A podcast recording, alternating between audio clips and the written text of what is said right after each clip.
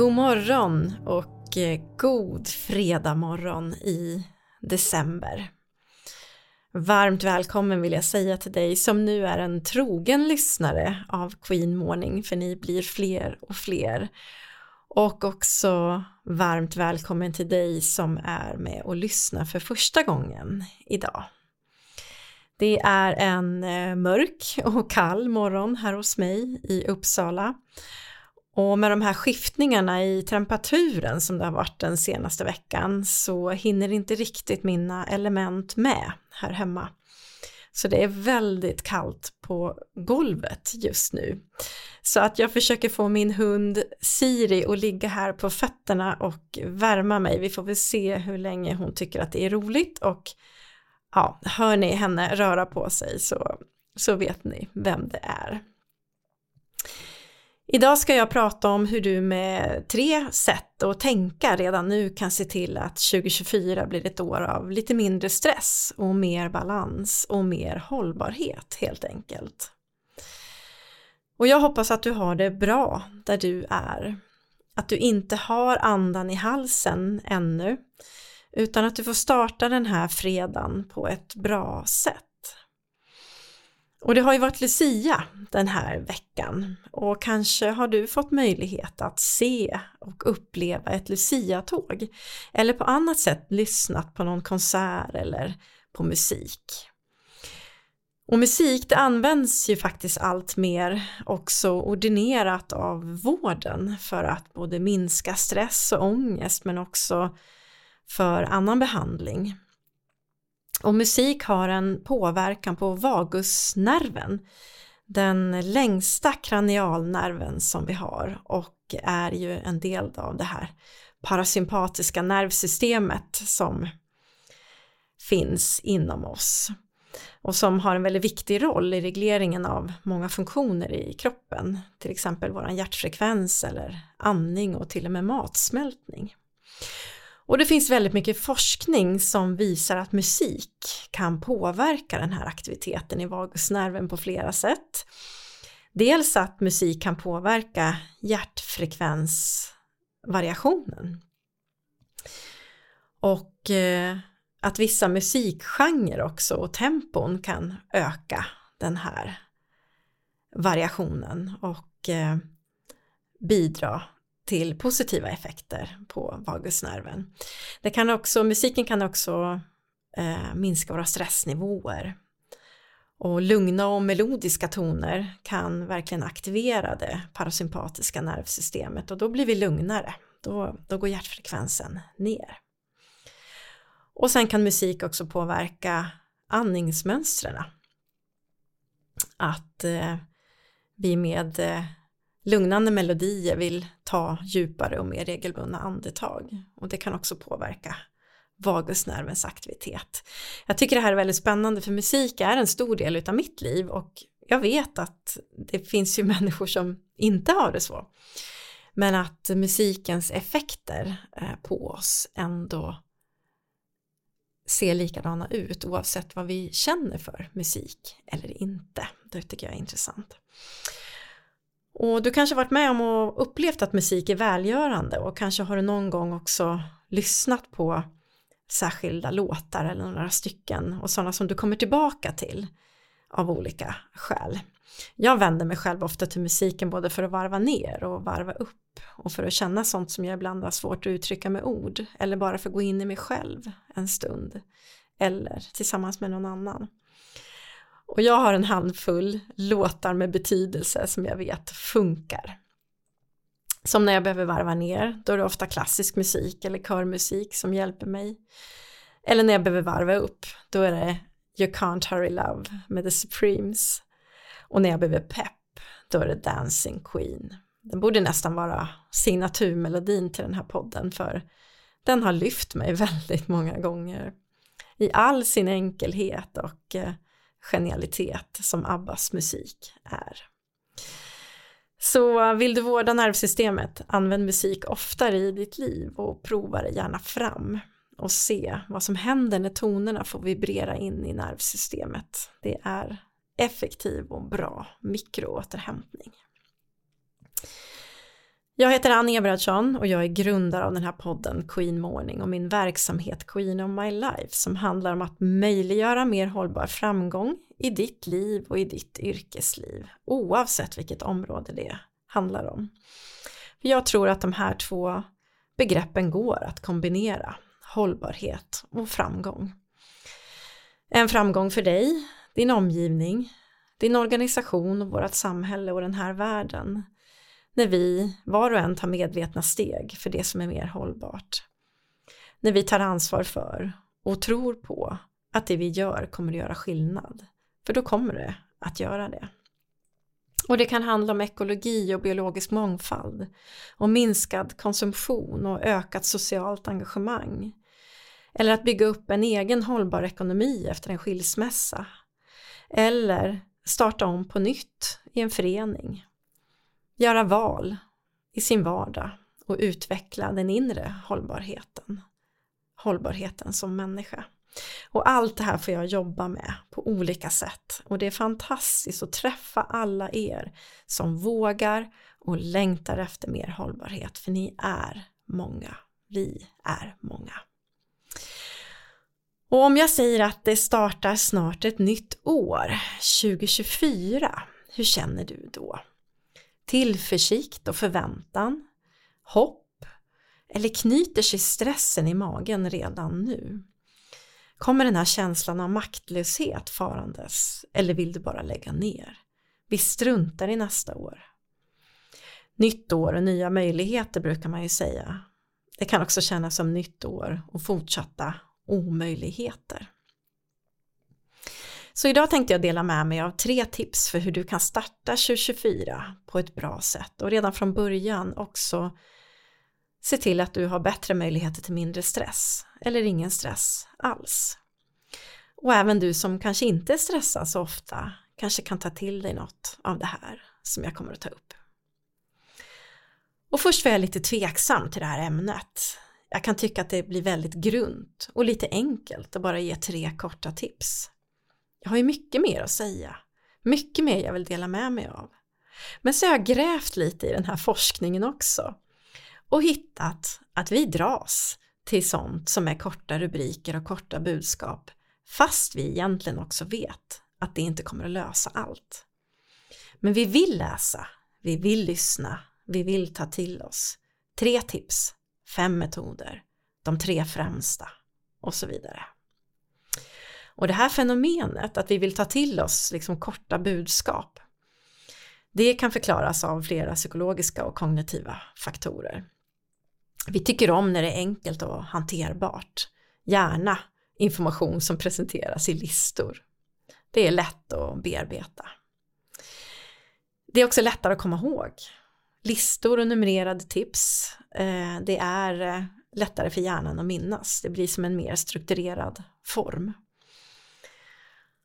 Och eh, budskap som inkluderar nummer på olika sätt och positiva formuleringar som bästa tipsen eller olika sätt att lyckas. Det skapar en känsla av brådska och lockar uppmärksamheten. Och det är väldigt effektivt om man vill fånga människors intresse. Och sen finns det också vissa nummer som till exempel 3 och 5 som är mer tilltalande och minnesvärda än andra. Och det är ett fenomen som ibland kallas för the rule of three eller rule of five. Vi kan helt enkelt hantera information i små hanterbara kluster lite bättre.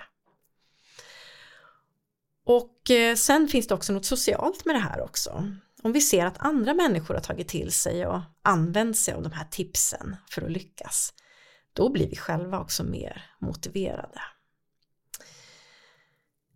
Och det finns en eh, forskare som heter Sheena Yengar som är professor eh, vid Columbia Business School.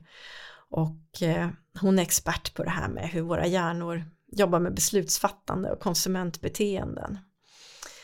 Och eh, hur vi just gärna väljer korta, enkla listor, budskap och vill ta del av hur andra har lyckats.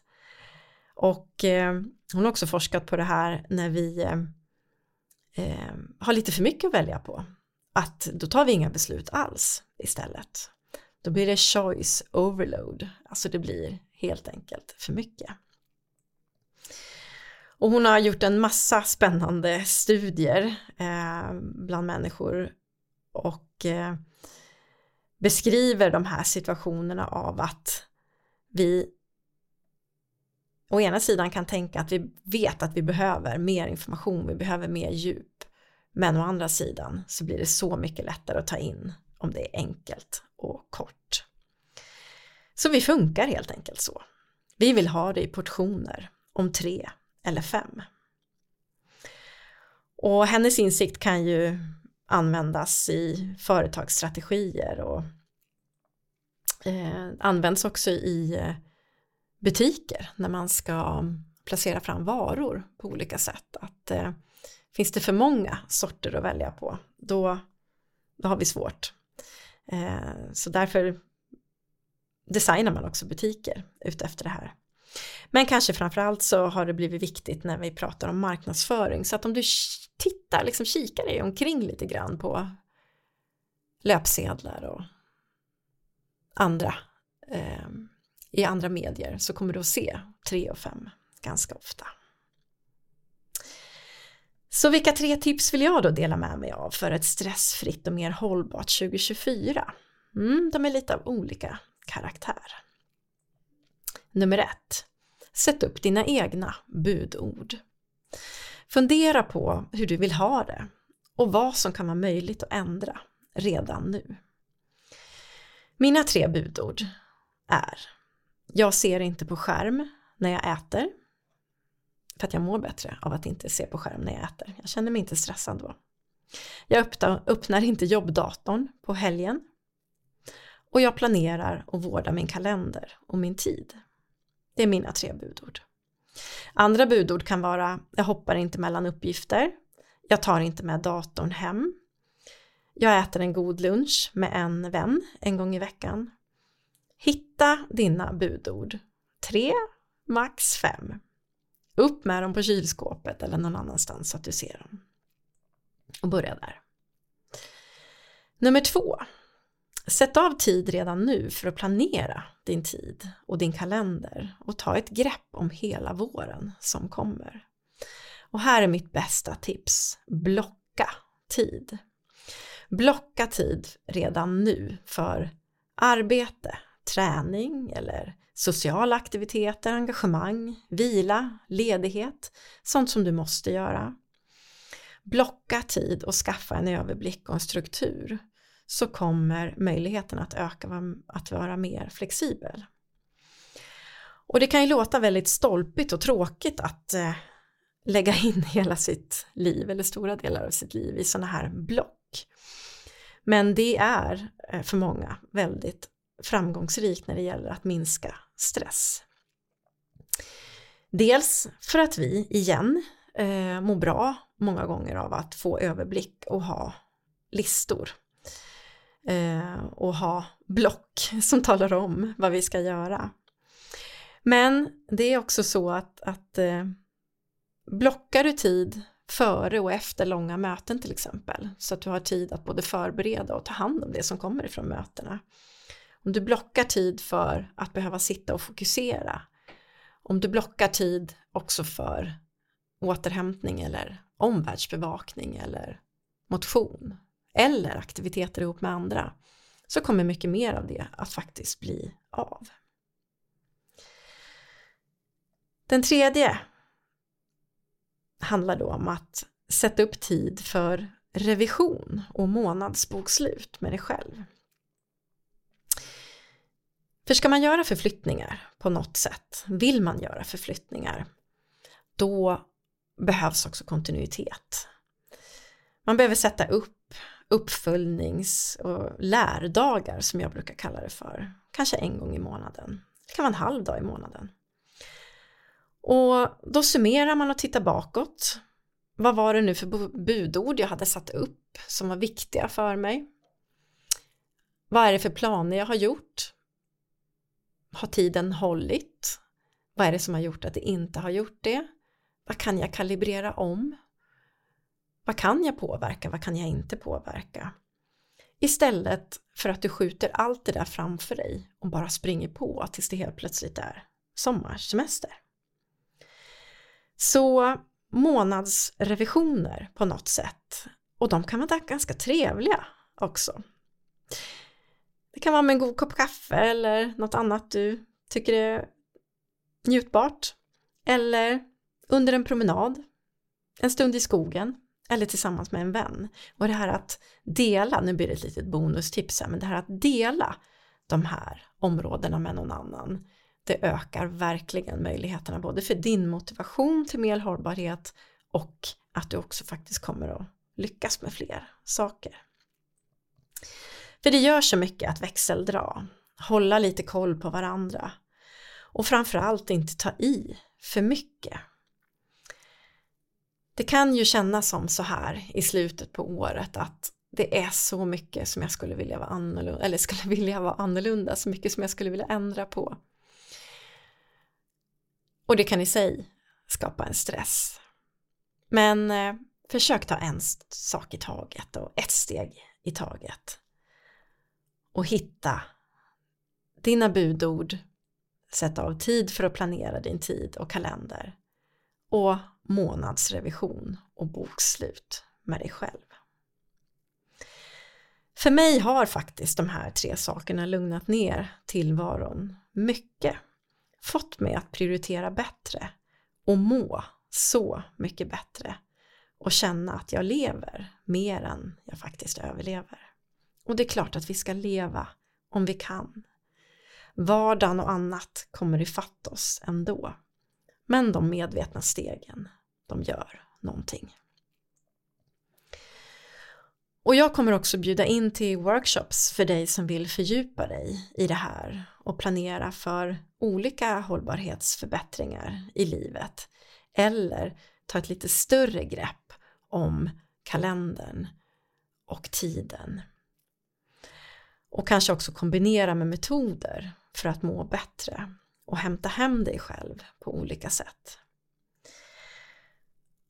Och jag kommer också att ha lite workshops kring eh, att göra andra hållbarhetsförflyttningar inom andra områden. Så det kan ni hålla utkik efter antingen på min webbplats queenofmylife.se eller på LinkedIn Queen of My Life.